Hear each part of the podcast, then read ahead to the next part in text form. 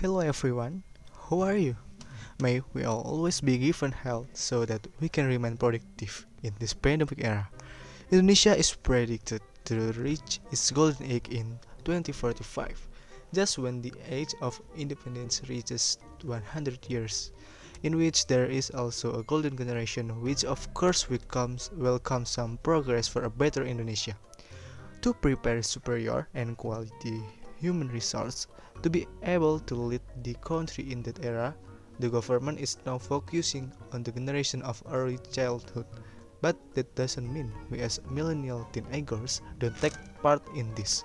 In fact, we are the ones who will determine whether Indonesia's 2045 goal can be achieved or not.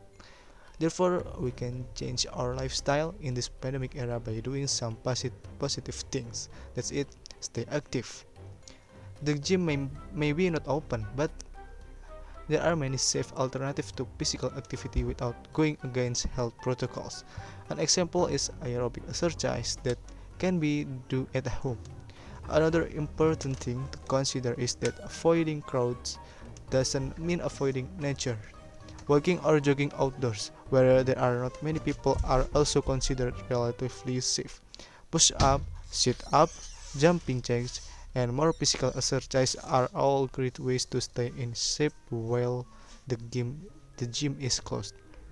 And point two, enough sleep. Good sleep is very important for overall health. According to, U eh, to the US, the National Institute of Health explained that sleep can in turn affect the body defense system. The lifestyle that must be done next is to maintain food intake take care of yourself and don't stay up too late. Moreover, we are students as well as the millennial generation. We must always familiarize ourselves with positive activities so that we can continue to develop talents and interest in this pandemic era. Don't give up on many tasks. We become too often staying up late. Considering that in 2045 Indonesia will reach the golden era of Indonesia, where at the age of 100, we as millennials have a big role in achieving golden Indonesia 2045.